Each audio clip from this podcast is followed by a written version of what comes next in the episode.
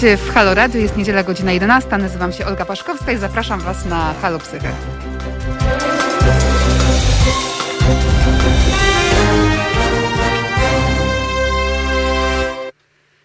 Witajcie w Halo Radio. Jest godzina 11.01. Zapraszam Was na Halo Psychę. Będziemy dziś rozmawiać o nastolatkach w pandemii o młodych ludziach w wieku od 14 do 19 roku życia, no tak mniej więcej, i o wsparciu psychologicznym dla nich i o psychoterapii. A moim gościem dzisiaj będzie Jakub Krzyżanowski, psycholog, psychoterapeuta Gestalt, mentor oraz tutor w Wolnej Szkole Demokratycznej Bullerbyn.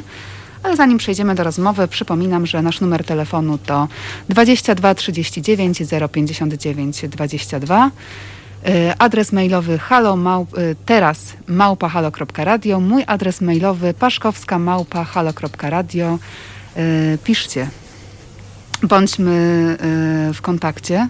Czekam również na Wasze komentarze. Tutaj zaraz odpalam YouTube'a, Facebooka.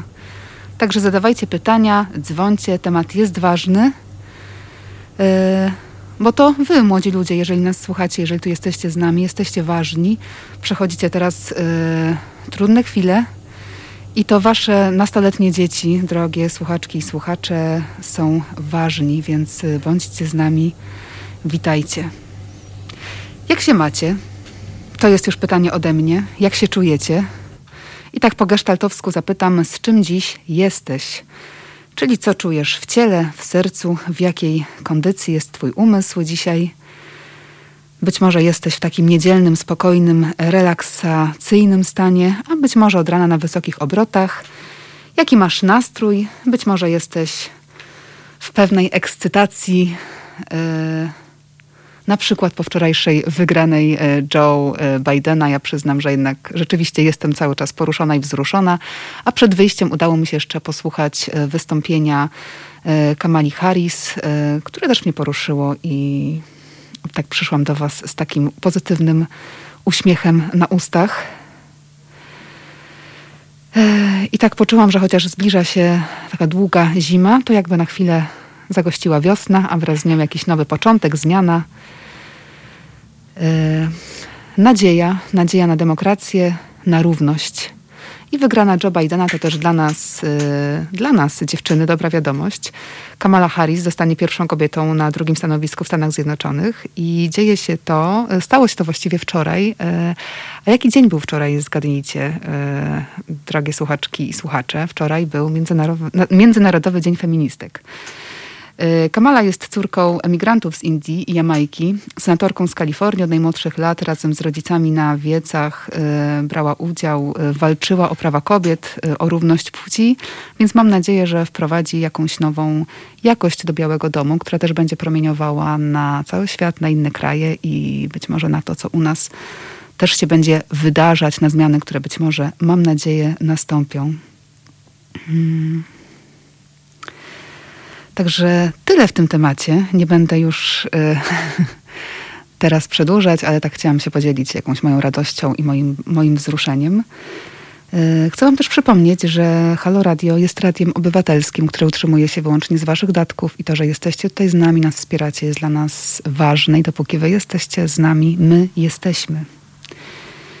I teraz przypomnę jeszcze raz, że moim dzisiejszym gościem jest Kuba Krzyżanowski, psycholog, psychoterapeuta Gestalt, mentor oraz tutor w Wolnej Szkole Demokratycznej Bullerbyn i będziemy rozmawiać o nastolatkach w pandemii, o młodych ludziach w wieku 14 do 19 roku życia i o wsparciu psychologicznym dla nich i o psychoterapii. Witam Cię Kubo, czy jesteś już z nami? Cześć Olga, dzień Cześć. dobry Państwu. Jestem, jestem. Cześć Kuba, miło Cię słyszeć i tak zapytam po gestaltowsku, a jak Ty się dzisiaj czujesz? Z czym jesteś, jak się masz? Y, jakoś dużo spokoju we mnie jest, może to z uwagi na słońce, które, które dzisiaj wskakuje mi przez okno, więc, więc tak, dużo spokoju i takiej harmonii w dniu dzisiejszym. Y, to bardzo się cieszę i dzięki, że tutaj zgodziłeś się z nami połączyć, że znalazłeś y, chwilę. Tym bardziej, że dzień jest rzeczywiście słoneczny i ja też mam jeszcze pokusę, mam nadzieję, że zdążyć wyskoczyć do lasu na spacer. Ale też ten temat, który e, będziemy dzisiaj poruszać, też jest e, dla mnie ważny i przyznaję, że przyleciałam tutaj trochę jak na skrzydłach. E, Bo jestem sercem i swoją uwagą i myślami przy tych młodych ludziach, przy nastolatkach, którzy znaleźli się w tej trudnej sytuacji. My również, wszyscy. Ale tak sobie myślę, że być może my jako dorośli mamy większe zasoby, żeby sobie z taką sytuacją radzić. My jako osoby już powiedzmy bardziej ukształtowane, które już coś zbudowały w życiu, yy, jakąś sieć kontaktów, rodziny, a, a myślę o tych młodych ludziach, którzy dopiero są na początku drogi, oni dopiero teraz mieli pewne rzeczy w swoim życiu budować. Oni dopiero tworzą, budują e, swoją rzeczywistość i ona w, jakim, w jakimś sensie się załamała. E, jak ty to widzisz? No, mm, jeżeli chodzi o moją perspektywę, to myślę sobie, że odpowiedzią na pytanie, jak się obecnie mają nastoletni ludzie. Dokładnie, w jakiej oni jest, kondycji są dzisiaj? Tak, tak. E, jest odpowiedź e, i powrót do tego, jak my byliśmy nastolatkami, więc ja tak zapytam Ciebie, Olga, e, jak, jak Ty lubiłaś spędzać czas, kiedy byłaś nastolatką? Czy raczej w domu, czy poza nim? Wiesz co, Kuba, zawsze poza domem. Im więcej, tym lepiej. Byłam bardzo towarzyską osobą. Miałam miałam po prostu spore grono znajomych i właściwie każdy pretekst e, był dobry, żeby być z nimi, a nie być w domu. To jest też taki chyba mo moment w życiu, że to, co już mogłam e, wziąć od rodziców z domu rodzinnego, to wzięłam, a teraz pragnęłam po prostu już rozwijać się, budować swoje własne relacje, zakochiwać się, przeżywać różne pierwsze razy, budować relacje, pójść, nie wiem, na pierwszą randkę z chłopakiem. Szereg, szereg różnych rzeczy. No i myślę, że, że ta odpowiedź e, odpowiada też na pytanie, jak się mają nastolatki w dzisiejszych czasach zamknięte w domu. Dlatego, że no nie, nie jesteś jedyną, która tak przeżywała swój okres nastoletni. Ja też, jak wspominam siebie jako nastolatka, to robiłem wszystko, żeby wyrwać się z domu, spotykać się ze znajomymi i doświadczać e, różnych rzeczy, doświadczać siebie w różnych sytuacjach społecznych. Teraz obecnie e, to doświadczanie jest bardzo ograniczone, często przez ekran komputera podczas Wiesz, to nawet, zdalnych. Tak, nawet już pomijam taką szkołę, bo nawet o tym, słuchaj, nawet nie pomyślałam, nie wspomniałam, ale jednak cały czas myślałam o tym życiu po szkole, o tym życiu towarzyskim, które w ogóle w tym wieku się pojawia. Hmm. To, to nawet y, gdybym na tym etapie nie miała go, czy nie budowała, to jednak nawet była szkoła, więc ta sieć kontaktów z rówieśnikami i tak była przez prawie 8 godzin dziennie i tak ją miałam. E, tam też była jakaś społeczność, e, byli rówieśnicy, tam też był real, a teraz nie ma tego ani w szkole, ani po szkole. No jak ja wspominam swoją szkołę, to dla mnie e, większą wartością były te kontakty społeczne niż sama edukacja, kiedy do szkoły chodziłem. E, I to właśnie jest czymś, co w tym momencie zanikło i od marca jest bardzo ograniczone e, dla dzieci, dla młodzieży. E, jednak lekcje zdalne nigdy nie oddadzą przerw i kontaktów społecznych i tego wszystkiego, co działo się w drodze do szkoły, po szkole, no i wszystkich aktywności wieczornych które nastolatkowie uwielbiają. Wiesz co, tak pomyślałam sobie jeszcze jadąc dzisiaj, że mm, właściwie te pokolenia, o którym rozmawiamy, e, te roczniki, ci, ci obecni nasi współcześni nastolatkowie, oni właściwie takiej formy e, zakazów w ogóle nie znają. Oni są już wychowani e, w wolnym kraju, właściwie mają wszystko. Jeżeli tylko fundusze finansowe na to jakby pozwalały, czy warunki domowe, to, on, to były już, to są dzieciaki, które już, nie wiem, wyjeżdżały za granicę, wakacje z rodzicami spędzali w świecie. Można powiedzieć, że byli takimi młodymi, ale obywatelami świata. E, a jeżeli nie byli, to mieli taką perspektywę i taką możliwość i w ten sposób w ogóle przeżywali, odbierali świat i było dla nich to jakąś normą. A tutaj nagle, e, nagle im czegoś nie wolno, coś im się zabiera. E, czy oni w ogóle, powiedz, bo ty pracujesz też z nastoletnimi osobami, czy, czy nastolatkowie w ogóle to, jak oni w ogóle to przyswajają, jak oni reagują, co oni mówią? Myślę, że y, dużo lęku i niepokoju związanego z tym, ile to będzie trwało, jak to będzie dalej wyglądało, y, o też o relacjach społecznych, które gdzieś, gdzieś zanikają lub stają się płytsze przez ekran komputera. E, to są tematy, z którymi zmagają się nastolatkowie obecnie. Też o trudnościach wynikających e, z ciągłego przebywania z rodzicami i przebywania w czterech ścianach swojego pokoju. Jednak ta potrzeba budowania autonomii i przynależności do swoich rówieśników e, w porównaniu do siedzenia w domu z rodzicami, no to to jest trudność i to jest coś, z czym zmaga się większość nastolatków obecnie, czyli tym, jak się odnaleźć w tej nowej sytuacji. Mówisz w ogóle o takim, o takim, o takim zjawisku trochę. Yy na przekór pewnym naturalnym rytmom, e, na przekór trochę pewnym etapom rozwojowym. To jest ten moment, kiedy nastolatkowie już e, odpępniają się w jakiś sposób, trochę wyodrębniają się od rodziców i te kontakty e, z rówieśnikami są najważniejsze. A tutaj nagle oni są ich pozbawieni, ale tak jak mówisz, ten kontakt z rodzicami jest dużo bardziej intensywny, jest większy, on jakby dalej trwa. Jakby coś się, coś się zaburza.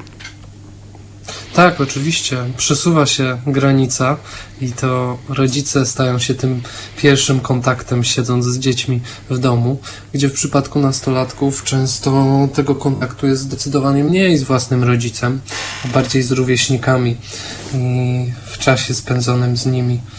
Więc, więc różnica jest duża i spora, i nastolatkowie odczuwają ten brak rówieśników i tych wyjść wspólnych i doświadczania, będę wracał do tego słowa, doświadczania siebie w różnych sytuacjach społecznych, e, na boisku, po szkole, czy w drodze ze szkoły. To wszystko zostało im w tym momencie odebrane. Myślę sobie też o, o, o tym przepisie, który mówi o zakazie wychodzenia z domu. Tak. E, samodzielnym, tak? No więc nawet spacer i takie oderwanie się na chwilę e, jest w tym momencie ograniczone. Ja, szczerze mówiąc, gdy, kiedy przypominam sobie siebie jako nastolatka, no ciężko mi sobie wyobrazić, bym przesiedział w domu tyle czasu. Hmm. Też yy, jednak też yy, nastolatkowie pamiętajmy o tym, że oni jednak są w sieci, oni są połączeni, yy, są portale społecznościowe, oni ten kontakt mają też ze sobą tylko ten kontakt też jest inny i tak zastanawiam się, jakie tego być może będą konsekwencje, bo, bo to nie jest tak, że oni tylko spędzają teraz czas na rozmowach i, budow- i, i w relacji z rodzicami, bo oni te relacje mają, tylko że te, one przeniosły się bardzo do, do strefy online, po prostu. Tak, oczywiście. Myślę, myślę sobie, od razu pójdę o krok dalej yy, i myślę sobie o tym, jak bardzo będzie istotne wsparcie młodzieży i nastolatków. W tym momencie, w którym już do, do szkół, do swoich sieci kontaktów powracają, dlatego że obecne, obecne kontakty, które oczywiście dzieją się przez internet i nie mam co do tego wątpliwości, że nastolatkowie lepiej y, sobie radzą z kontaktem internetowym niż my dorośli często, y, ale te kontakty są spłycane, I często też nastolatkowie mówią o tym, że jakaś ważna dla nich relacja, ich przyjaciel czy przyjaciółka nie kontaktuje się z nimi tak często, kiedy normalnie spędzali po kilka godzin dziennie wspólnie, razem po szkole. Tak teraz e, wymienią sobie dwie, trzy wiadomości na Messengerze i no to nie zaspokaja tej podstawowej potrzeby kontaktu więc, y, więc ważne, ważne i istotne będzie na pewno to, żeby po powrocie y, trochę też zadbać o to, że część nastolatków może przeżywać regres, jeżeli chodzi o kontakty społeczne i będą potrzebowały wtedy wsparcia nas, dorosłych, y, w tym, jak od nowa odnaleźć się w grupie. A na ten moment też odpowiadając na, na Twoje pytanie, e, myślę, że bardzo, bardzo istotne i ważne jest, żeby zachęcać nastolatków do kontaktu z przyjaciółmi poprzez te formy, które są dostępne i to nie tylko przez wiadomości, ale także przez e, Zooma czy inną platformę, która pomaga się chociaż zobaczyć e, i w ten sposób porozumieć. A wiesz co, przy okazji zapytam, jakie jest o Twoje zdanie? Bo kiedy nauka jest też w systemie online, to jednak ta ilość godzin spędzonych przed komputerem no, jest bardzo duża. I, I po szkole, czyli po tym jak wyłączasz komputer, czy wylogowujesz się z Zooma, przestajesz się uczyć, to potem podłączasz się, znowu się, zostajesz przy tym komputerze, żeby po, porozmawiać y, z przyjaciółmi. Czy, czy rodzice powinni też y, patrzeć na ilość godzin przed komputerem, czy jak tutaj? Bo wiem, że rodzice też nie wiedzą, co robić często mm, w mhm. tej sytuacji. Wiesz co, dla mnie, dla mnie sytuacja jest bardzo wyjątkowa i tak bym chciał do, nie, do niej podejść e, i myślę sobie, że należy odróżnić te godziny spędzane w szkole online od tych godzin, które są bardzo ważne i istotne na kontakt z rówieśnikami. E, to, co mogłoby być niepokojące dla mnie, to ilość godzin spędzanych na grach komputerowych, samodzielnych, których tego kontaktu z rówieśnikami nie ma. Aczkolwiek podczas tych ośmiu godzin, powiedzmy sobie, lekcyjnych, e, tego kontaktu nie ma, bo nie ma go w przerwach, e, więc ważne, żeby ten czas po szkole nadrabiać jednak poprzez te kontakty społeczne. Uważam, że y, w czasach pandemicznych, ale w ogóle kontakt z innymi ludźmi jest leczący. Więc moje zdanie jest takie, że na kontakt z, ze znajomymi, z przyjaciółmi powinno być dużo czasu po szkole, a że nie ma teraz innej formy, no to ta dostępna y, w moim rozumieniu jest dobra. Czyli rozumiem, że my rodzice powinniśmy się na jakiś czas pogodzić z tym, że nasze dzieci, nasze też dorastające dzieci e, przy tym nośniku, w ogóle jakim jest komputer, będą spędzały znaczną część dnia. I pozwolić im na to. No myślę sobie, że z, sami ich do tego zaprosiliśmy, e, fundując im szkoły zdalne e, i musimy też ponieść konsekwencje e, tego zaproszenia. I ja jestem za tym, żeby z dziećmi po prostu rozmawiać, dopytywać się, ale też y, nie jako e, prokurator czy sędzia, tylko po prostu pogadać, pogadać o tym, jak dziecko spędza czas poza godzinami e, lekcyjnymi przy komputerze. Jeżeli, jeżeli rzeczywiście jest to, nie wiem, spotkanie na Zoomie z przyjaciółmi czy z przyjaciółkami, tak, no to, no to zdecydowanie myślę, że warto by było ich wspierać w tym. Dzięki Kuba. Zapraszam teraz na parę minut e, przerwy i my się słyszymy podobnie za parę minut. Moim gościem dalej będzie Kuba Krzyżanowski. Będziemy kontynuować rozmowę, będziemy rozmawiać o poczuciu straty, o wsparciu dzieci, młodzieży i kiedy jest ten moment na wsparcie specjalistów, czyli psychologiczne albo psychoterapeutyczne. Zostańcie z nami, słyszymy się za parę minut. Halo Radio. Witam po krótkiej przerwie. Jest godzina, chciałam Wam powiedzieć i zobaczyłam, że nie widzę zegarka, jest godzina 11.23. Mówi dla Was Olga Paszkowska. Moim, moim gościem jest y, Jakub Krzyżanowski, psycholog, psychoterapeuta Gestalt, mentor oraz tutor w Wolnej Szkole Demokratycznej Bulerbyn. Kuba, zapytam Cię jeszcze zanim wrócimy do naszego tematu, bo tak zatrzymałam się przy słowie tutor. Y, mentor i tutor w Szkole Demokratycznej Bulerbyn. Czy mógłbyś Mógłbyś powiedzieć naszym słuchaczom, co to oznacza tutor, bycie tutorem? Powiem na początku, że myślę, że to temat na oddzielną audycję, żeby o tym wszystkim opowiedzieć, więc, więc postaram się tak e, w skrócie przybliżyć. Mhm. E, pracuję w Wolnej Szkole Demokratycznej Bulerbyn, gdzie, gdzie jako mentor wspieram proces grupowy i to jakie relacje i jak działają relacje w naszej, w naszej grupie, w naszej społeczności. A jako tutor to tutor określa mnie jako osobę, która pomaga w procesie edukacyjnym.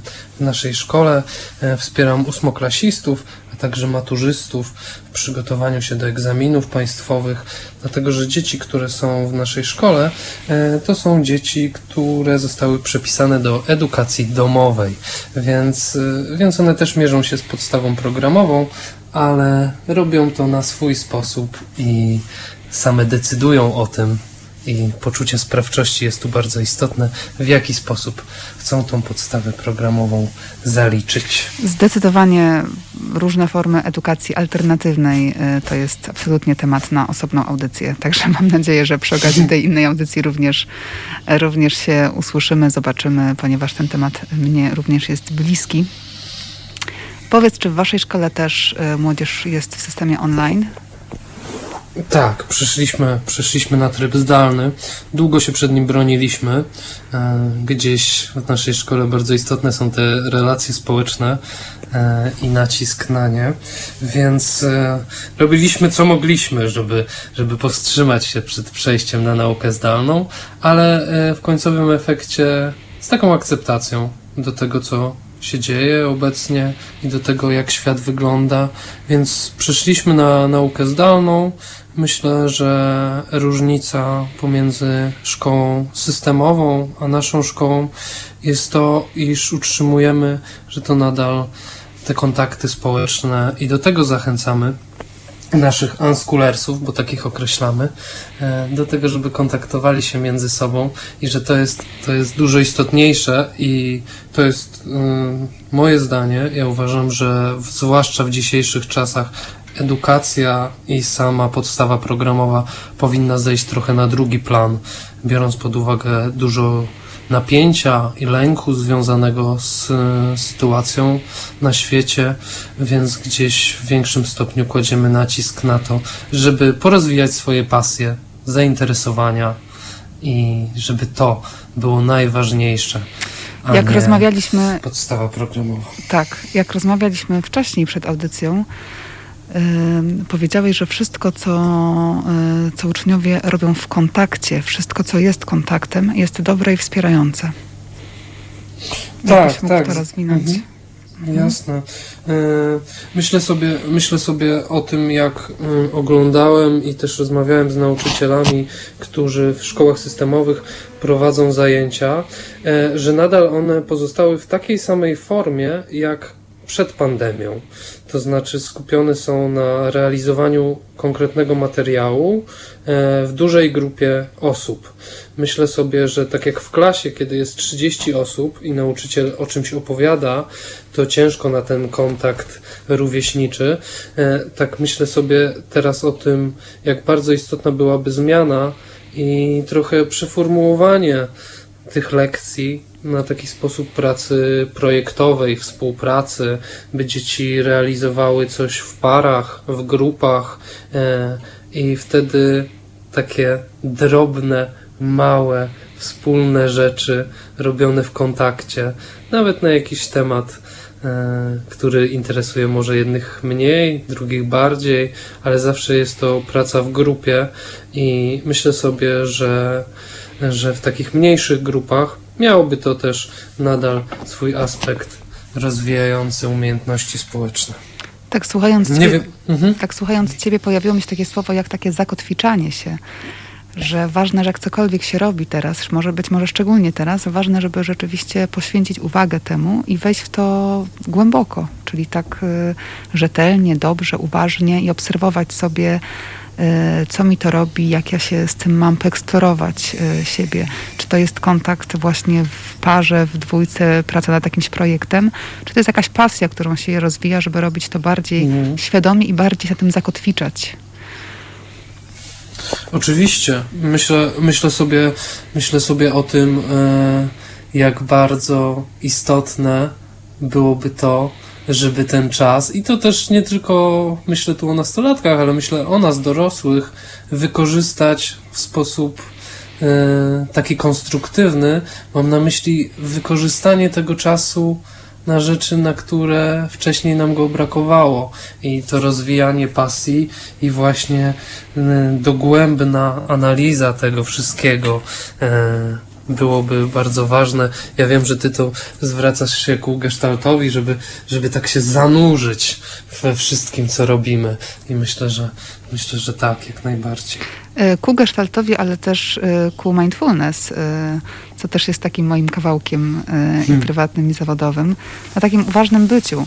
Nawet, nawet praktykując mindfulness, w ogóle medytując, warto się skupić w jednym czasie na jednej rzeczy, bo wtedy rzeczywiście możemy głębiej kontakt, relację nawiązać z daną rzeczą, czynnością, człowiekiem, pasją, czy nawet ze sobą. Mm. I tak jak mówisz, że w tym momencie y, jest Ci bliskie takie podejście, że główny nacisk kładziemy na pasję, a nie na program y, szkolny. Też jest mi bliskie, bo w tym momencie to jest taka adekwatność do bycia rzeczywiście tego, co się teraz dzieje, co się teraz wydarza w świecie. Y, I tak pewne rzeczy, które mieszczą się w programie edukacyjnym obowiązkowym, one nijak się trochę mają do tego, czego właściwie teraz doświadczamy, hmm. czego co przeżywamy, więc warto być w ogóle w kontakcie z rzeczywistością, takim w świadomym kontakcie. I, i w tym możemy też wspierać młodych ludzi. Tak, oczywiście. E, ja od razu też wypowiem się. No, ja uważam, że dość delikatnie określiłaś to, że podstawa programowa ma mało wspólnego z tym, czego obecnie doświadczamy. Uważam, że w większości nie ma nic mhm. wspólnego z tym, czego młodzież aktualnie potrzebuje. E, więc myślę sobie o takim, mm, wiesz, wróciło mi, wrócił mi temat, który gdzieś był mi bliski w kwietniu, kiedy wszyscy, myślę, w edukacji zastanawiali się, ale nie tylko w edukacji, nad tym, że to taki okres przejściowy i, i że teraz zróbmy tak, żeby jakoś go przetrwać. E, a myślę sobie, że teraz już jesteśmy w takim momencie, w którym należałoby tą sytuację po prostu zaakceptować i trochę zastanowić się nad zmianą, jaka, jaką można by było poczynić, skoro ta, ta przedłużająca się sytuacja no jeszcze chwilę może potrwać i może z nami, z nami, być. Mówisz o tym, jak wykorzystać, skoro już jesteśmy w tej sytuacji, nie mamy wpływu na nią, to jak to wykorzystać? Dokładnie. Co dobrego możemy dla siebie e, z tego postoju życiowego i izolacji wziąć? Tak. Co dokładnie. na przykład można wziąć? Pójdę za tym dalej. Co na przykład można wziąć? No ja myślę sobie o wielu różnych i też, wracając, I też wracając mhm. właśnie do nastolatków, co oni mogą dla siebie cennego i wartościowego z tego okresu wziąć? Mhm. Myślę sobie o kursach internetowych, wiesz, na, na ile te właśnie rzeczy związane z ich pasjami mogą teraz zostać rozwijane. Wyobrażam sobie nastolatka, e, który jest zainteresowany informatyką i wszystkim tym, co się dzieje wokół, i, i masa kursów dotyczących programowania, i grafiki komputerowej jest teraz dostępna na rynku i, i, są one w formie online, czy są w formie filmików na YouTubie i myślę, że, że w tą stronę można iść. E, u nas dużą popularnością w szkole e, cieszy się haftowanie. Dużo mm. dziewczyn zaczęło, zaczęło haftować. Myślę sobie o tym, mm, jak bardzo jest to też e, fajne, by rozwijać swoje umiejętności manualne. Ale też koncentrację, tego... takie bycie tu tak i teraz, jest. skupienie, skoncentrowanie uwagi Dokładnie. na jednej czynności właśnie w danym momencie. Jest to też relaksujące, uspokajające. Jest to Oczywiście. jakaś forma medytacji również. Tak, jak najbardziej. E, ja osobiście powiedziałbym, że spacery i kontakt z przyrodą, wiem, że on jest ograniczony dla nastolatków, dlatego gdybym miał e, się zwrócić do rodziców, e, co mogą zrobić dla swojego nastolatka, to odpowiedziałbym i z nim na spacer.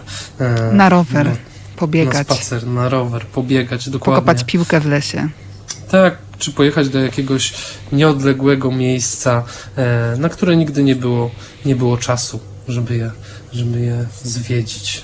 Czy to ścieżka w lesie, e, czy jakaś, jakaś budowla, jakiś zabytek, jakieś bunkry. Więc to taki fajny czas do wykorzystania. Ja zawsze myślę, że kontakt w ogóle z przyrodą i z naturą e, uzdrawia i wpływa na nas na pewno kojąco. E, ale też chodzi o pobudzenie krążenia, o ruch na świeżym powietrzu, o dotlenienie się więc, więc zawsze, zawsze przyroda na tak, jak najwięcej, jak tylko możemy i kiedy tylko możemy. Ale też wyobrażam sobie, że takie bycie w domu daje też taką możliwość y, rodzicom pobyć z tymi nastolatkami, trochę się pocieszyć nimi jeszcze, y, bo oni nagle, nagle oni zostali w domu, nagle oni nie wychodzą codziennie wieczorem czy w każdy weekend, tylko oni nagle są z nimi i to jest też jakaś szansa również dla rodziny, że mogą wspólnie jeszcze coś razem zrobić. Mogą wspólnie, tak? nie wiem, mhm. odkrywać, y, oglądać zaległe filmy, grać w gry planszowe, rozmawiać, być. Mogą, mogą również te, te relacje pogłębić swoją. Tak, myślę sobie, że w świecie idealnym zachęcałbym do tego, żeby znaleźć sobie jakąś wspólną pasję i wspólnie ją rozwijać. Też powiedziałaś o grach planszowych, a myślę sobie też o jakimś wspólnym właśnie byciu, nie wiem, w aktywności fizycznej, tak? E, że tata z synem może pójść pobiegać raz dziennie. E, to oczywiście świat idealny, bo musimy się mierzyć z tym, że są tacy nastolatkowie, którzy jednak będą wybierali te cztery ściany swojego pokoju. Y, I to też istotne, żeby, żeby o tym pamiętać, że dla wszystkich nas siedzenie w domu jest trudne. I odbiera nam pewne rzeczy i dla nastolatków też, też to może być trudne. Ten kontakt z rodzicami niekoniecznie może być łatwy. Rodzice mogą się cieszyć oczywiście z tego, że mają wreszcie nastolatka przy sobie, że nie wychodzi, tak jak powiedziałaś, nie spędza każdego wieczoru poza domem. Ale dla niego może być to obciążające też. Ale E, też pamiętajmy też o domach, y, w którym te relacje nie są dobre. Mm, w Tak, którym- w którym- oczywiście.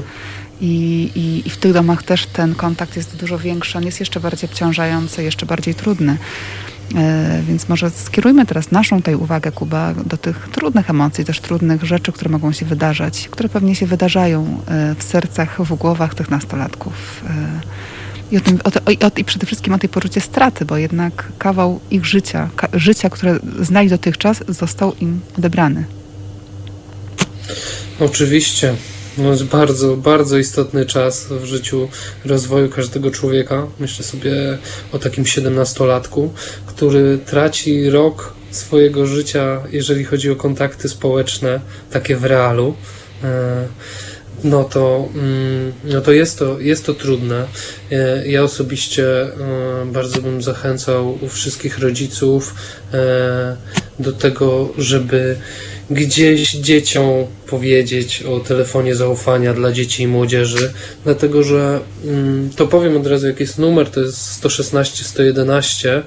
E, to jest bardzo istotne, że dziecko może nie chcieć rozmawiać z rodzicem, ale ważne, żeby miało taką informację, że można się gdzieś skontaktować ze światem i porozmawiać z kimś, e, kto może ich zrozumieć, wysłuchać. Czyli to jest E. numer telefonu, pod który mogą dzwonić e, nastolatkowie.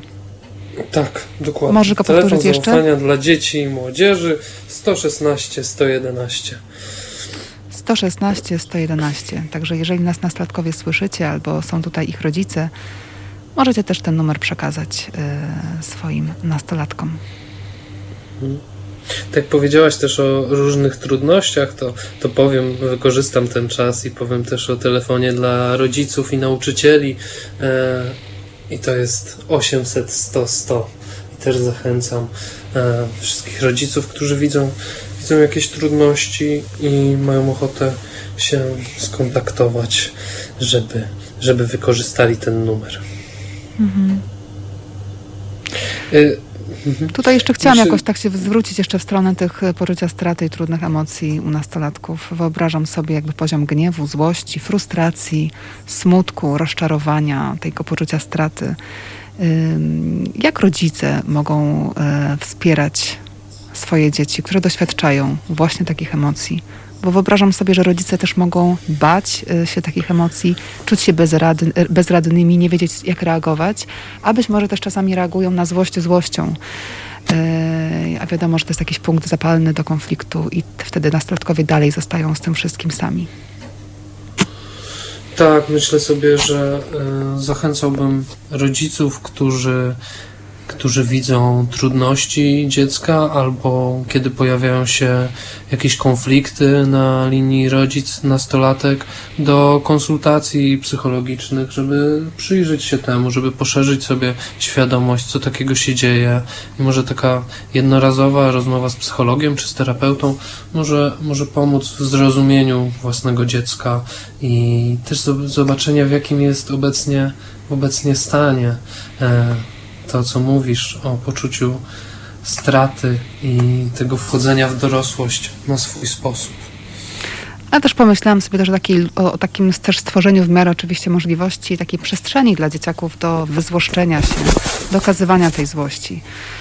E, Być też wyrozumiałymi dla nich, tolerancyjnymi i stworzyć im tę przestrzeń e, i powiedzieć, że jakby rozumiem, że, że jesteś zły, że jesteś wkurzony, że to jest dla mnie okej, ja to mieszczę, e, tutaj jest na to Mhm. przestrzeń, bardzo ci współczuję, przeżywam też, jest mi smutno, kiedy widzę, jak siedzisz w domu, jak życie, e, które znałeś, znałaś, zostało ci w jakiś sposób odebrane.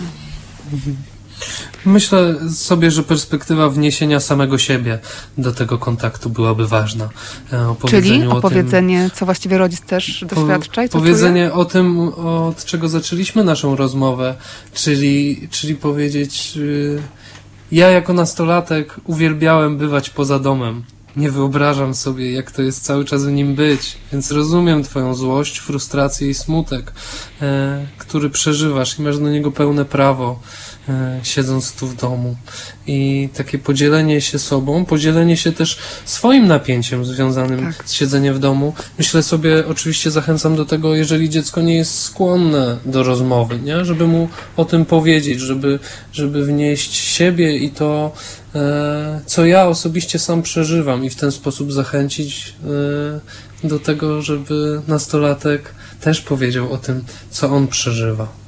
Czyli wnosimy Mm. siebie, mówimy i ujawniamy y, swoje emocje, swoje napięcia i pytamy się, albo nawet podpowiadamy, wyobrażam sobie, co ty musisz przeżywać, jak tobie jest ciężko, jak, jak, jak, jaka złość musi być y, y, w tobie. Tak, dokładnie. Mhm. Pomyślałem, mm, pomyślałem sobie też o tym, jak ważne jest to pytanie, do którego będę wracał. Co Tak. ja przeżywałem jako nastolatek? I, i dzielenie, Od tego zaczę- zaczęliśmy tym. dzisiaj, zapytałeś Tak. co ja przeżywałam. Tak. Tak, dokładnie, dokładnie. Teraz zapraszam y, na krótką przerwę i po przerwie y, zanurzymy się głębiej w temat, kiedy jest ten moment, kiedy warto sięgnąć po wsparcie psychologa albo psychoterapeuty, terapeutki. Zostańcie z nami, słyszymy się za parę minut.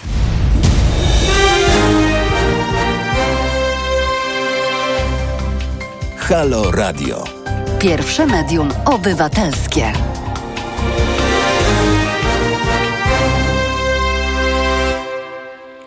Witajcie po krótkiej przerwie w Halo Radio, w Halo Psyche. Moim gościem jest Jakub Krzyżanowski. Przypomnę, że Jakub jest y, psychoterapeutą, gestalt, psychologiem, mentorem i tutorem w Demokratycznej Szkole Bullerbyn. Mówi dla Państwa Olga Paszkowska. Y, Za chwilę powrócimy do tematu ym, nastolatków i kiedy jest ten moment, y, kiedy warto zaproponować czy wesprzeć ich y, wsparciem y, psychologa, wsparciem psychologów czy psychoterapeutów.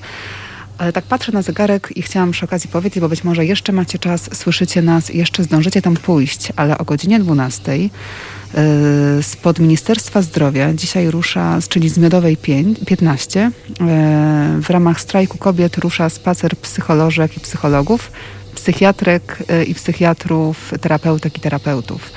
Więc jeżeli macie czas, jesteście blisko i macie chęć, y, jeszcze zdążycie dołączyć.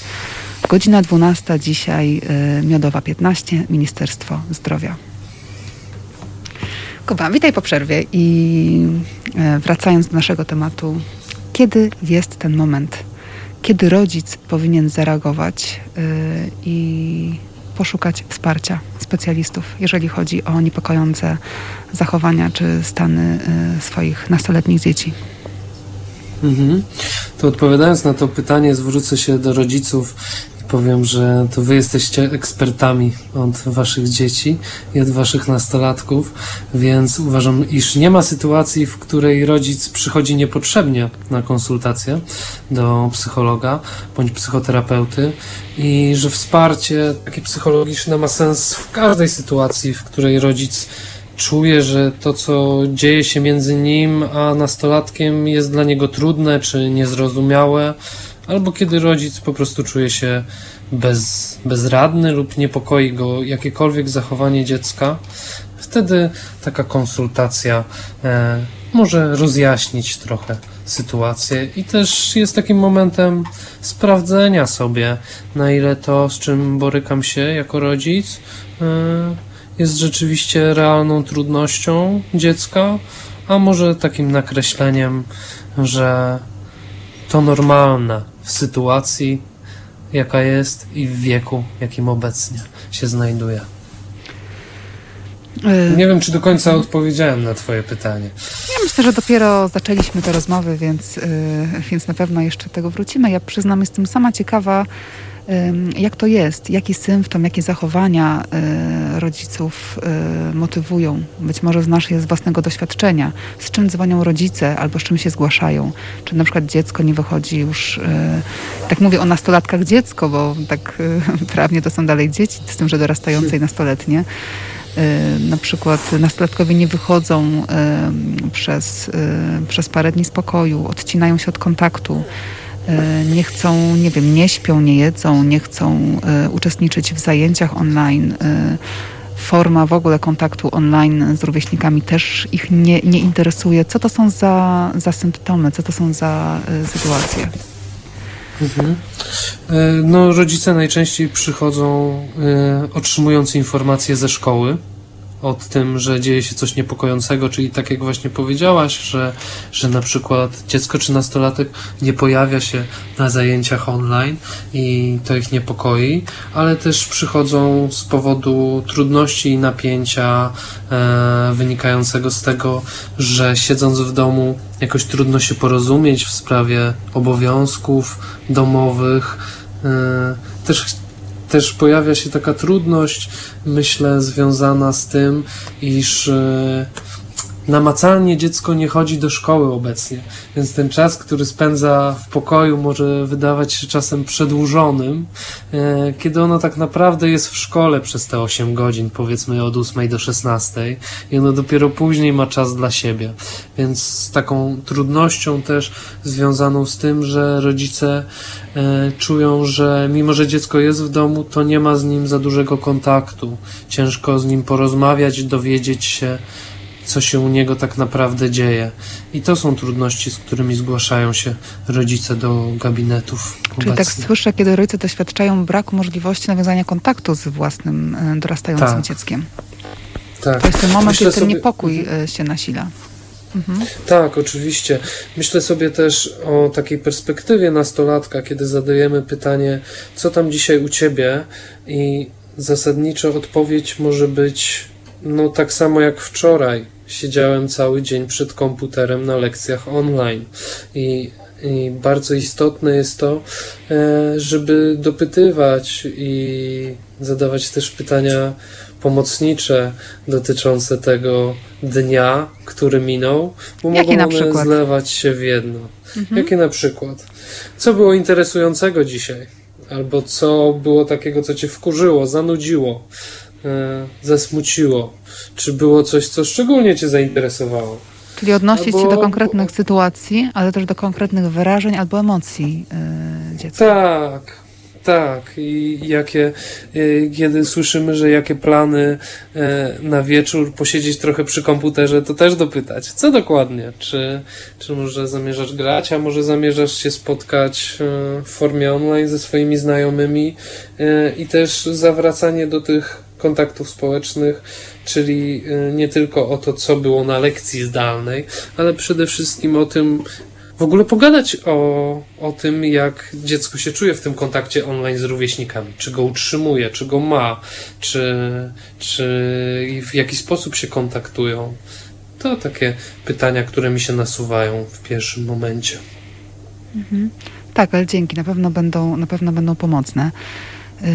A czy, z, y, czy są sytuacje, że rodzic y, nie dostrzega albo nawet nie wpadnie na taki pomysł, żeby skontaktować się ze specjalistą, poprosić kogoś o wsparcie, pomoc, a, y, a dziecko jest, nastolatek jest tą osobą, która mm, sama ten temat porusza?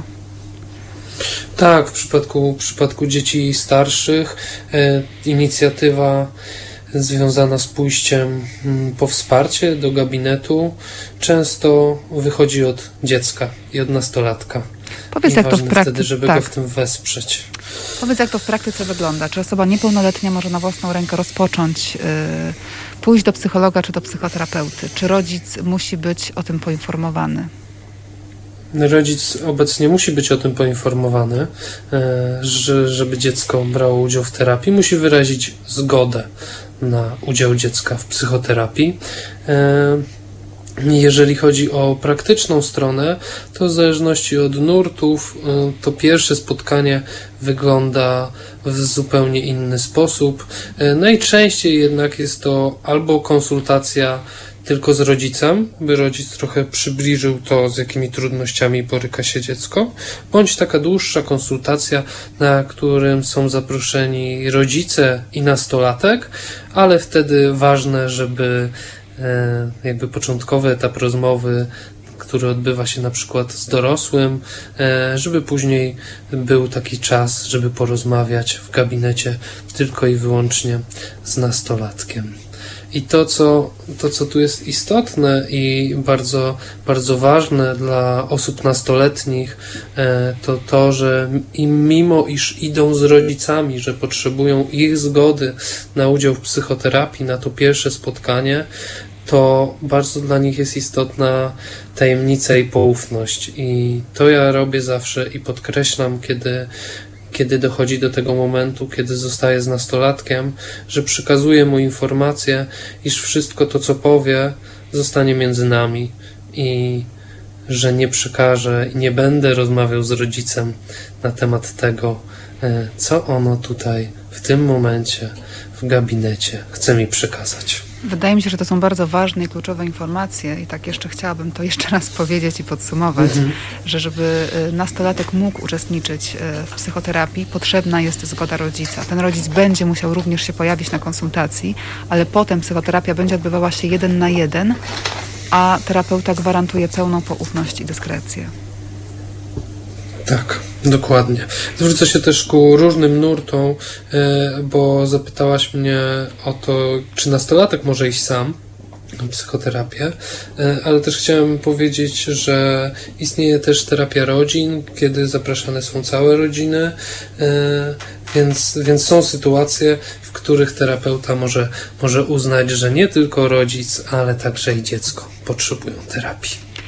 Powiedz mi jeszcze, co tak naprawdę mm, z osobami, e, z nastolatkami, których rodzice nie wyrażą zgody na psychoterapię albo ani na wsparcie psychologiczne, e, którym taka forma wsparcia jest, e, jest obca, wzbudza lęk, nie wierzą. Wiadomo, że wokół terapii psychologów krążą różne mity. Co wtedy z, takimi, z taką młodzieżą, która rzeczywiście tego wsparcia, pomocy potrzebuje? Oni po prostu są samotni, zmagają się z problemami, z którymi nie są w stanie sobie sami poradzić. Co wtedy? Do kogo takie młode osoby mogą się zwrócić? Wrócę do telefonu zaufania. To jest takie miejsce, w którym y, dziecko, nastolatek może porozmawiać bez zgody rodzica i tam uzyskać, uzyskać pomoc. Y, myślę sobie też o psychologach szkolnych do których też zawsze można, można się zwrócić. E, aczkolwiek, no, będąc szczerym, uważam, że system opieki dla dzieci i dla mhm. nastolatków w tym momencie nie jest najlepiej rozwinięty i uważam, że, że zdecydowanie większą uwagę powinniśmy przekierować e, na to, jako, jako państwo, żeby, żeby ta opieka psychologiczna dla dzieci i młodzieży była bardziej dostępna, dostępna w szkołach i w różnych, różnych miejscach pozaszkolnych też. Czyli uważasz, że co byłoby pomocne? Więcej y, kadry psychologicznej w placówkach, w instytucjach? Tak, uważam, że zdecydowanie i większa dostępność też mhm. e, kadry, kadry psychologiczno-pedagogicznej i przeformułowanie trochę tego, by rzeczywiście pojawiały się w szkołach warsztaty psychoedukacyjne w większej ilości, e, takie, żeby też psycholog to nie była osoba zamknięta w gabinecie numer 4 na końcu korytarza, a żeby była to osoba, którą najpierw można gdzieś poznać, zobaczyć w innej przestrzeni i potem łatwiej może byłoby się zwrócić do takiej osoby to, żeby rodzice w ogóle przekonywać i otwierać na taką formę wsparcia, nie tylko dla siebie, ale też dla, dla, ich, dla ich dzieci. Może też warto byłoby zwiększyć ilość warsztatów yy, dla rodziców tak, żeby tego psychologicznego potwora oswajać, żeby oni w ogóle mogli swoją świadomość poszerzać.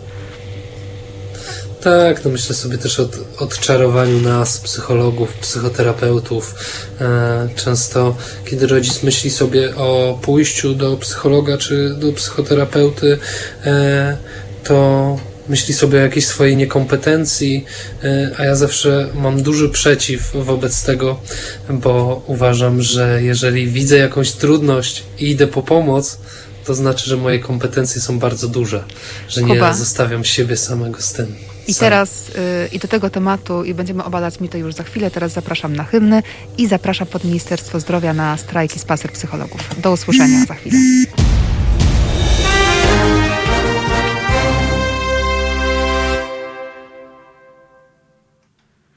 Jest 12.12, mówi dla Państwa Olga Paszkowska. Moim gościem, przypomnę, jest Jakub Krzyżanowski, psycholog, psychoterapeuta Gestalt, mentor i tutor Szkoły Demokratycznej Bullerbyn. Jak się czujesz, yy, Kuba? tutaj po, już po dłuższym czasie z nami? I odczuwam pewnego rodzaju swobodę w rozmowie z Tobą i, i w rozmowie ze słuchaczami, ile można tak określić. Powiem szczerze, że byłem dość zestresowany też myśląc o tym, jak mi będzie, a teraz, teraz jakiś spokój nadal Nastał. utrzymany. Tak, tak, zdecydowanie. Cieszę się, że spokój nastał. Yy, U mnie słoneczko pięknie zagląda yy, przez okno i ten optymizm, jakaś radość yy, w każdym razie u mnie cały czas się utrzymuje i cały czas miło mi Ciebie gościć. Przed przerwą poruszyliśmy temat mit, mitów o psychologach, o psychoterapiach. Chciałabym, żebyśmy troszkę te mity spróbowali tutaj obalić, albo w ogóle je wyłońmy i ponazywajmy je. Dobra, chętnie, chętnie do tego dołączę i razem to z Tobą zrobię. Może tak powiem, E, podzielę się takim moim mhm. doświadczeniem z, z zeszłego tygodnia. Do mojego gabinetu przyszła e, nowa klientka, 19-letnia. E, Z, no powiem tak szczerze, w bardzo trudnym stanie, w, z atakami paniki, w takim w dużym lęku. E, I powiedziała mi, że od dawna myślała, żeby przyjść, tylko cały czas rodzice jej nie wyrażali zgody na to. E, I radzili jej zamiast pójścia do psychoterapeutki, e, podjęcie nauki na jeszcze wyższych obrotach, że praca jest lekarstwem na wszystko. I, Mhm. I moja klientka z takim skryptem w ogóle rodzinnym i z takim przekonaniem rodziców, widzę, że zmagała się z tym bardzo i mm, tak zastanawiałam się, co by było, gdyby rzeczywiście ktoś dał jej szansę, gdyby ona mogła po takie wsparcie ileś miesięcy wcześniej się zgłosić. Być może dzisiaj nie byłaby e, tak roztrzęsiona i tak przerażona i przestraszona swoim stanem, ale też wszystkim, co się wokół niej dzieje. Mhm. No myślę sobie, że zadania i dokładanie kolejnych zadań nigdy, nigdy nie odczarują trudności, które się pojawiają.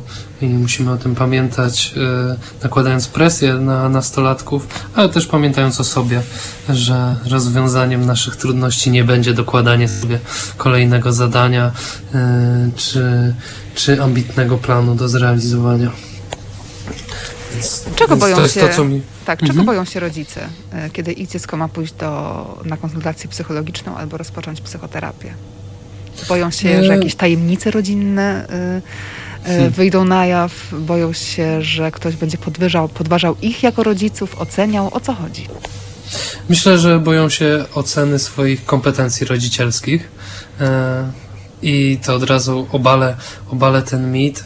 E, Ja rodziców, y, którzy, którzy zgłaszają się do mnie z trudnościami ze swoimi dziećmi czy z nastolatkami, e, postrzegam jako osoby bardzo kompetentne, które widząc problem zdecydowały się poszukać rozwiązania e, tego problemu i wsparcia swojego dziecka w trudnościach.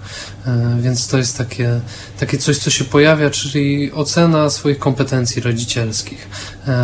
Więc zawsze odwrotnie, wręcz przeciwnie. Wręcz przeciwnie, zgadzam się. Czy Tak jest taka jest. obawa y, w rodzicach, y, skoro moje dziecko musi iść do psychologa, to znaczy, że ja sobie nie radzę, że to jest moja porażka wychowawcza, moja Mhm. osobista. A, mhm. Absolutnie nie. Absolutnie nie. E, uważam, że wsparcie, wsparcie dziecka zawsze jest, zawsze jest dobrym, dobrym pomysłem. Też myślę, taki mit mi przyszedł do, do głowy, kiedy, kiedy o tym powiedziałaś. E, my, psycholodzy, psychoterapeuci, też możemy zdecydować o tym wspólnie z klientem, ile takich spotkań jest potrzebnych. I zdarzają się takie sytuacje, w których po trzech, pięciu konsultacjach takich yy, wspólnie ja jako terapeuta i nastolatek yy, oceniamy, że to była chwilowa trudność i potrzebna była rozmowa w kontakcie, obecność innego dorosłego, kogoś, kto nie jest rodzicem yy, i że na ten moment nastolatek nie potrzebuje długotrwałej terapii. Więc, rozumiem, że tutaj też- Mówisz o Tak. takiej różnicy, y, czym się różni wsparcie psychologiczne a, a od psychoterapii. Tak, mówię o tym, ale też chciałem obalić taki mit, że, że my psycholodzy zawsze oferujemy długotrwałą terapię. E, to oczywiście, jeżeli zostałbym zapytany o czas, e, o czas terapii, to odpowiem po, tak jak każdy psycholog, to zależy e, od sytuacji i od trudności, ale też zdarzają się sytuacje, w których taka konsultacja, jedna, czy trzy, czy pięć, e, to wystarczający na ten moment i wtedy możemy zaproponować też inną formę wsparcia. Czyli rozumiem takie wsparcie dotyczące bieżących spraw, bieżących emocji, problemów y, czy trudności. Mhm. Tak. Bez, jak to mówią też potocznie nieraz osoby, bez grzebania się y, w przeszłości. Tak, to, to kolejny mit, który poruszyłaś, czyli że psycholog, terapeuta będzie zadawał mi pytania i będzie chciał ze mną rozmawiać o rzeczach, e, na które ja nie mam ochoty.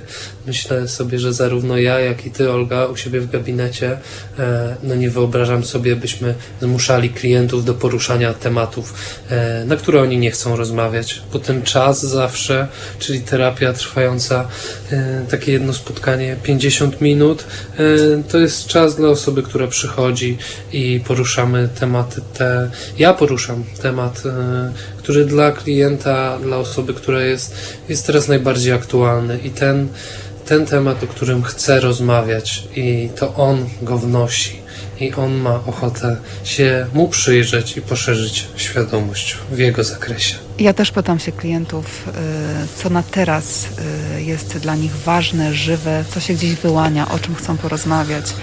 Jeżeli doświadczają na teraz jakichś trudności czy trudnych emocji, to czego dotyczą? Także bardzo też się skupiamy na tym, co jest tu i teraz, czego klienci doświadczają. Ale oczywiście czasami, mówiąc o tym, czego doświadczam dzisiaj, czasami coś linkuje, pojawia się jakiś wątek z przeszłości. Ale jeżeli on się pojawia, to dlatego, że na teraz, że tutaj dzisiaj Mhm. staje się aktualny. Oczywiście i myślę sobie też, że, że my terapeuci zawsze sprawdzamy to, czy klient ma ochotę o tym porozmawiać. Możemy coś zauważyć i zaproponować ten temat, ale e, na pewno nie, ja nie zmuszam klientów do rozmowy na temat, na który nie mają ochoty w tym momencie. Czuję, że przyjdzie taki czas, e, że może go poruszą i może go wniosą, bo właśnie to, co powiedziałaś, stanie się on dla nich aktualny. Więc obalając mit, psycholog i psychoterapeuta nie zmuszą nas do rozmowy o czymś, o czym nie mamy ochoty. Nie mamy też takiej mocy i siły, żeby, żeby rozmawiać na temat, który ktoś przed nami skrywa. Tak samo jeszcze może ja dołożę jeszcze tutaj swoje trzy grosze. Nie przypytuję z historii rodzinnej. To nie jest spotkanie, na którym trzeba odpowiedzieć po kolei, co się w moim życiu wydarzyło i nagle opowiedzieć o wszystkich swoich traumach. Bo tego rodzaju sprawozdanie byłoby też jakimś e, sprawozdaniem z głowy, po prostu z rozumu, ale w oderwaniu od serca, od tego, co na teraz, od, od, od emocji. Co teraz rzeczywiście, czego teraz doświadczasz, co czujesz, czego potrzebujesz.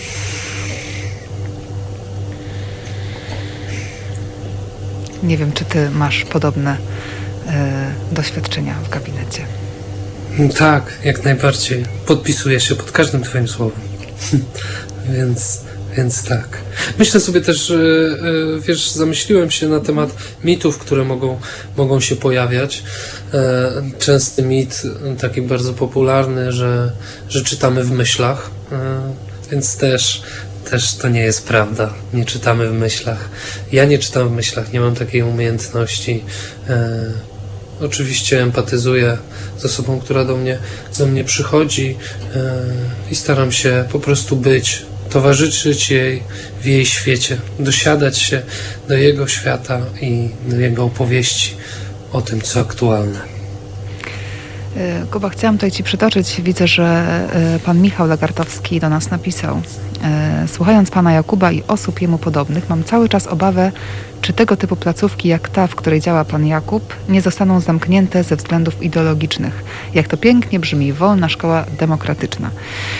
E, I tu też odwołanie do ministra e, Czarnka. E, Więc, więc też chciałam powiedzieć, jeszcze tak się odnieść do tego, co robisz, do, do, do szkoły, w której jesteś i jaką rolę, bo tak sobie też myślę cały czas o tych osobach, które nie każdy zgłosi się do psychoterapeuty czy do psychologa, ale jeszcze kontakt i szkoła w realu dawała nam taką możliwość kontaktu i bycia z nauczycielem. Z nauczycielem, czyli z tym dorosłym, na którego też można liczyć. To jest inny dorosły w kontakcie realnym poza y, rodzicami. I jak to teraz jest w kontekście online szkół, w Twojej szkole? Jaką rolę tam nauczyciel pełni i czy może też taką wsparciową pełnić? Mhm. Oczywiście. No też y, ten wpis, który poruszyłaś, myślę sobie, y, że ja takich obaw nie mam, dlatego że y, szkoły demokratyczne działają poza systemem trochę. Czyli dzieci są w edukacji domowej, a to na razie nikt nie zamierza tego ruszać, z tego co mi wiadomo, więc, więc takich, takich, takich obaw nie mam.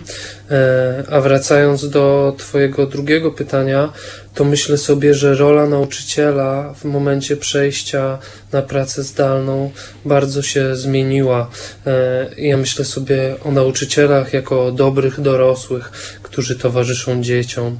I wyobrażam sobie taką sytuację, której dziecko ma pewną trudność, z czymś sobie nie radzi i nauczyciel, który prowadzi lekcję, e, dostrzega tą trudność i ten problem w świecie realnym oczywiście i prosi na przykład ucznia o to, by pozostał chwilę po lekcji i ma możliwość sprawdzenia tego, zobaczenia, może doradzenia czegoś. E, w tym świecie zdalnym ciężko jest to zrobić Często nastolatki kryją się za e, zgaszonymi kamerkami, mm, ale też nauczyciel nie ma, nie ma takiej przestrzeni, by, by sprawdzić, co się dzieje u każdego z uczniów e, w te, podczas tej nauki, nauki zdalnej. Dlatego ja będę wracał trochę do tego, by system nauki i system lekcji zdalnych trochę zmienić z uwagi na zmieniającą się sytuację i zapewnić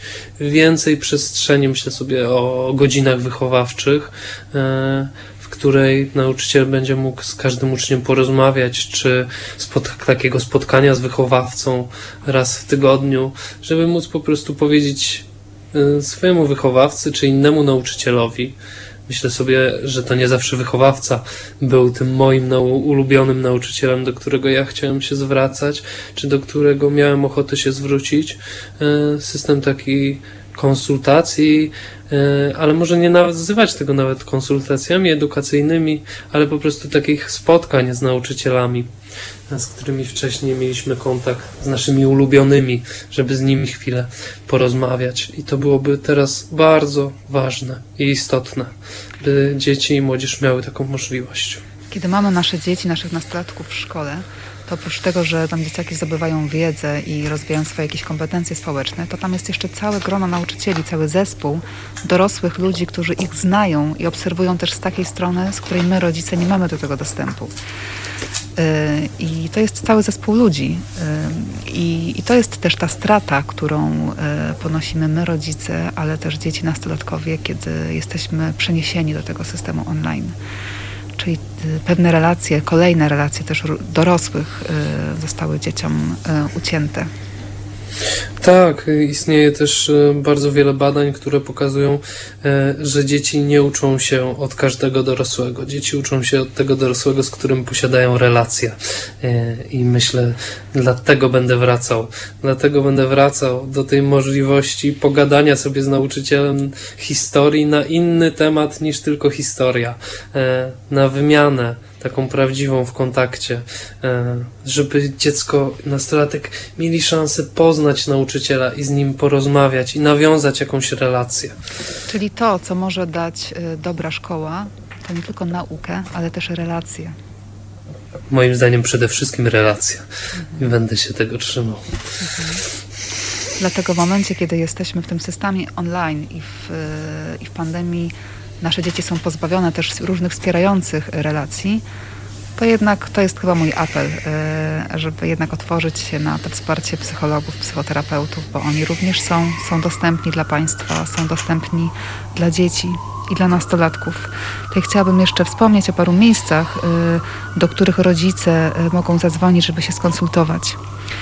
Jest to Stowarzyszenie Półpiętro na Twardej, Bliskie Miejsce, Centrum Terapii Dialog, Stowarzyszenie dla Rodzin, Ośrodek Regeneracja, no i oczywiście tam, gdzie możecie e, Państwo znaleźć mnie i Kubę, e, zapraszamy do gabinetu przy Iluzjonie na Starym Mokotowie www.przyiluzjonie.pl. My też jesteśmy dla Was, też jesteśmy dostępni. Ym, powiedz jeszcze, Kuba, jak to jest? Czy ty spotykasz się z, z, w realu, czy już jesteś dostępny tylko w systemie online? Staram się spotykać jeszcze w realu, e, choć zachęcam do formy online. Nie zawsze jest ona możliwa, więc, więc e, otwieram się zarówno na pracę w gabinecie, jak i intensywną pracę w świecie online. Akceptuję to, co świat przynosi. Staram się. Ym, Wiem, że prowadzisz też konsultacje psychologiczne dla rodziców i warsztaty umiejętności społecznych dla dzieci z trudnościami. Czy jeszcze mógłbyś e, o tym powiedzieć nam parę słów? E, Tak, w Fundacji e, Bullerbyn w naszej poradni prowadzę warsztaty umiejętności społecznych dla dzieci z trudnościami.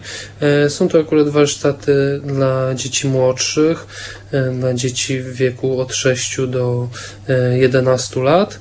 E, To są warsztaty dla dzieci, które zmagają się e, z trudnościami w kontakcie z rówieśnikami. Często jest to nieśmiałość, ale często też pojawiają się takie trudności jak wybuchy e, złości, czy nieradzenie sobie e, ze smutkiem, e, czy może mała aktywność w grupie rówieśniczej.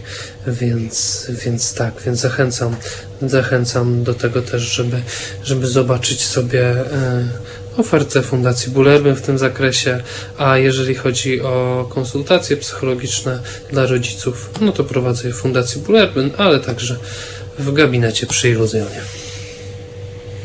Y, I rozumiem, że y, działasz teraz cały czas, ale tych zajęć pewnie grupowych dla dzieci obecnie nie ma.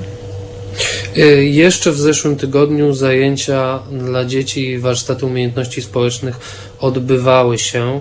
E, Jeżeli chodzi o poradnie, to te przepisy się dość szybko zmieniają, także nie zaskoczy mnie to, iż za tydzień już się z dziećmi nie spotkam. Na razie było to możliwe e, w dwóch oddzielnych pięcioosobowych grupach, choć normalnie spotykaliśmy się w jednej dziesięcioosobowej. Więc tak. Więc y, y, nie wiem, co będzie za dwa tygodnie, y, więc zobaczymy.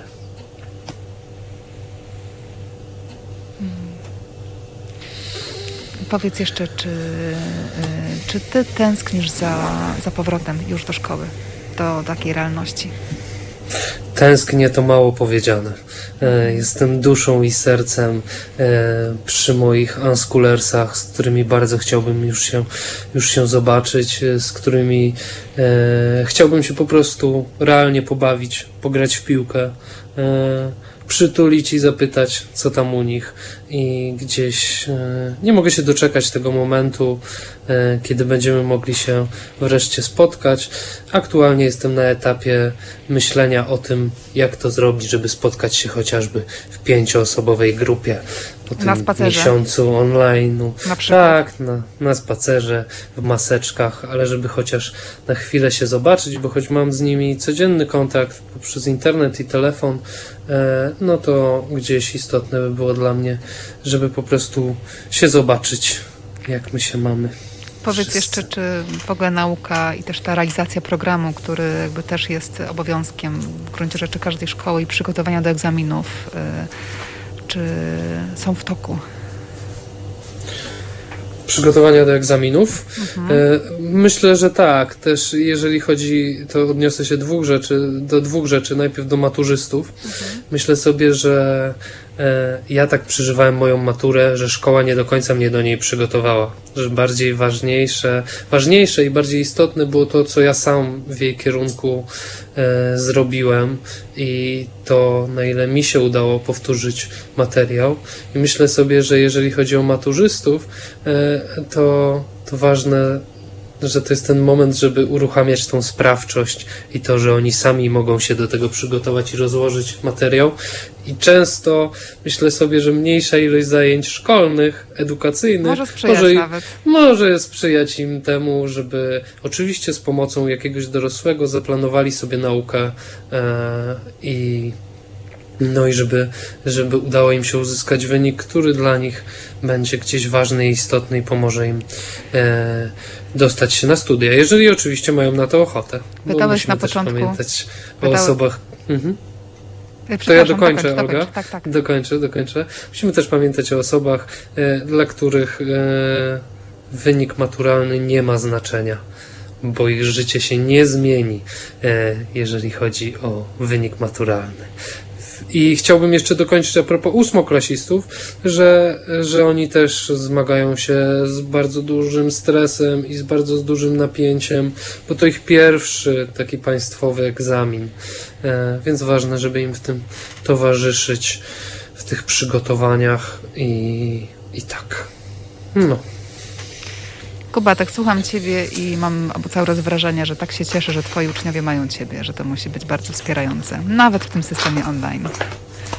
Dziękuję, dziękuję, że to mówisz. E, Ja bardzo, bardzo też e, chciałbym zachęcić do, do przyjrzenia się sylwetką innych osób pracujących e, w miejscu, w którym, którym pracuję, bo jest to wspaniałe miejsce i mamy wspaniałą kadrę ludzi, ludzi, którzy chętnie towarzyszą, dobrych dorosłych, tak bym nas określił.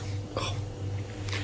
Także kochani e, słuchacze, słuchaczki, e, droga młodzieży, jeżeli tutaj jesteś, e, sięgajcie po wsparcie i po tych właśnie dobrych dorosłych, bo oni są. Jeżeli nie ma w waszym zasięgu, to są miejsca, gdzie można ich znaleźć i, i oni mogą się pojawić przy was. I Tego wam wszystkim życzę. E, Kuba, dziękuję ci bardzo za rozmowę. Dziękuję bardzo. A ja po krótkiej przerwie e, zapraszam na parominutową medytację mindfulness na zakończenie. Do usłyszenia za chwilę, zostańcie ze mną. Halo Radio. Jest godzina 12.36, mówi dla Państwa Olga Paszkowska i przypomnę, że moim gościem był Jakub Krzyżanowski, psycholog i psychoterapeuta Gestalt i rozmawialiśmy o młodzieży, o nastolatkach y, w pandemii i o wsparciu psychologicznym i psychoterapeutycznym. Y, A teraz zapraszam Was na ostatnią prostą y, halo psychę i na krótką medytację mindfulness. Także zapraszam Was teraz do, do chwili skupienia.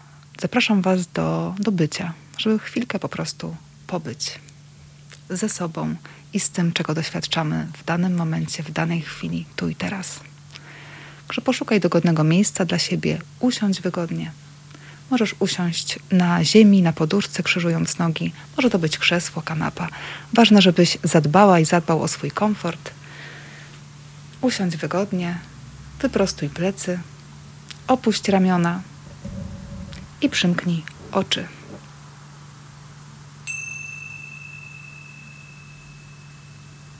A teraz skieruj swoją świadomą uwagę na ciało i na odczucia z ciała. I zobacz, jak czujesz ciało w tej pozycji. Poczuj swoje ciało od czubka głowy po palce stóp, od jego prawej do lewej strony. Poczuj przód ciała, jego tył. Poczuj miejsca styku ciała z podłożem. Poczuj miejsca styku ciała z materiałem ubrań. Poczuj objętość swojego ciała, jaką zajmuje w tej przestrzeni. Poczuj jego ciężar. I zobacz, czy są miejsca, w których czujesz swoje ciało szczególnie wyraźnie. Jeśli tak, skieruj tam na chwilę swoją świadomą uwagę. I poddychaj przez chwilę do tych miejsc. Skieruj do nich oddech, świadomy wdech i wydech. Chwila po chwili. Oddech za oddechem. Obserwuj zmieniające się wrażenia w Twoim ciele i podążaj za nimi swoją uwagą. I obserwuj, eksploruj zmieniające się doznania fizyczne w swoim ciele. Jak czujesz swoje ciało? Teraz skieruj swoją świadomą uwagę na oddech, na wdech i wydech. Chwila po chwili. Spróbuj podążać za naturalnym rytmem swojego oddechu Nie wpływaj na niego. Towarzysz mu. Wdech i wydech. Zobacz, gdzie czujesz oddech szczególnie wyraźnie. Może w brzuchu, może w klatce piersiowej, może w okolicach nozdrzy. Gdziekolwiek go czujesz, wiedz, że to jest ok. Po prostu skieruj uwagę w miejsca wyraźnych odczuć i obserwuj przez chwilę oddech w tym miejscu. Obserwuj drogę, jaką pokonuje Twoje powietrze do wnętrza i na zewnątrz ciała. Zobacz, jakie jest powietrze, którym oddychasz. Poczuj jego zapach, jego temperaturę.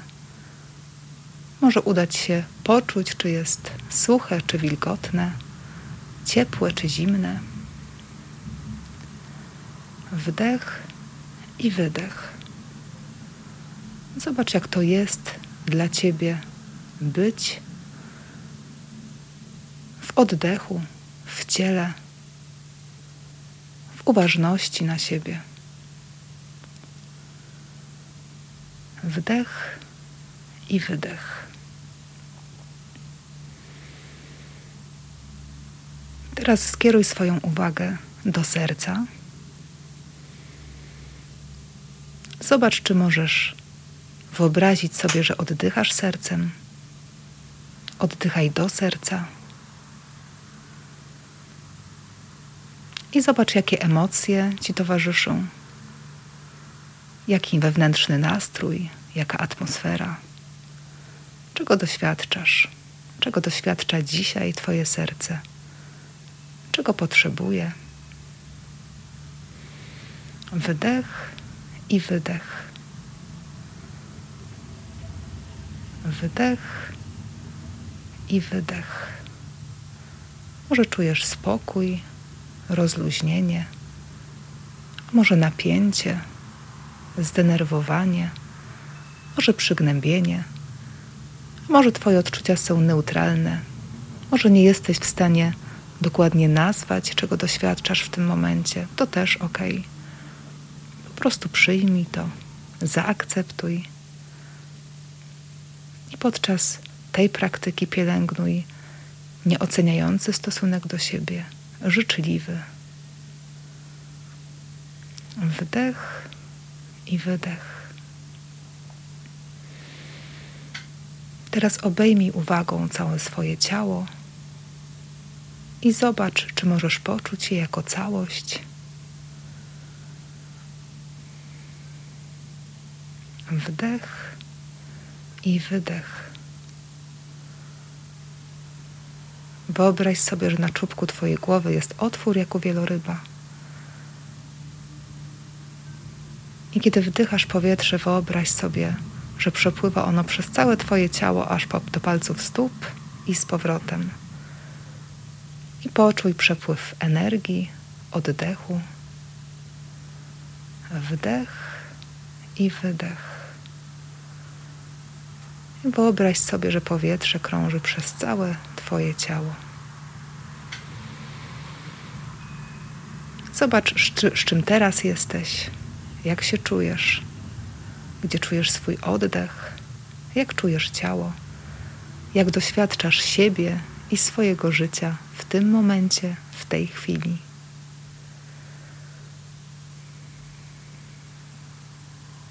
Przywołaj w głowie intencje na dzisiejszy dzień i zobacz, czego życzysz sobie dzisiaj. Czego życzysz bliskim ci ludziom? Czego życzysz tym ludziom, których dobrze nie znasz, ale których spotykasz czasem na ulicy czy w sklepie? I czego życzysz dzisiaj światu? Wdech i wydech.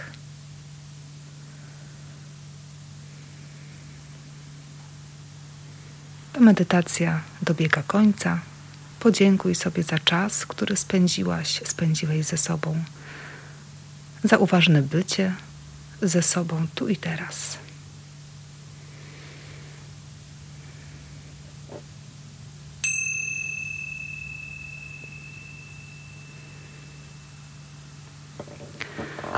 Dziękuję za wspólną praktykę, dziękuję Kubie za dzisiejszą rozmowę i wszystkim słuchaczkom i słuchaczom za Waszą uważną obecność.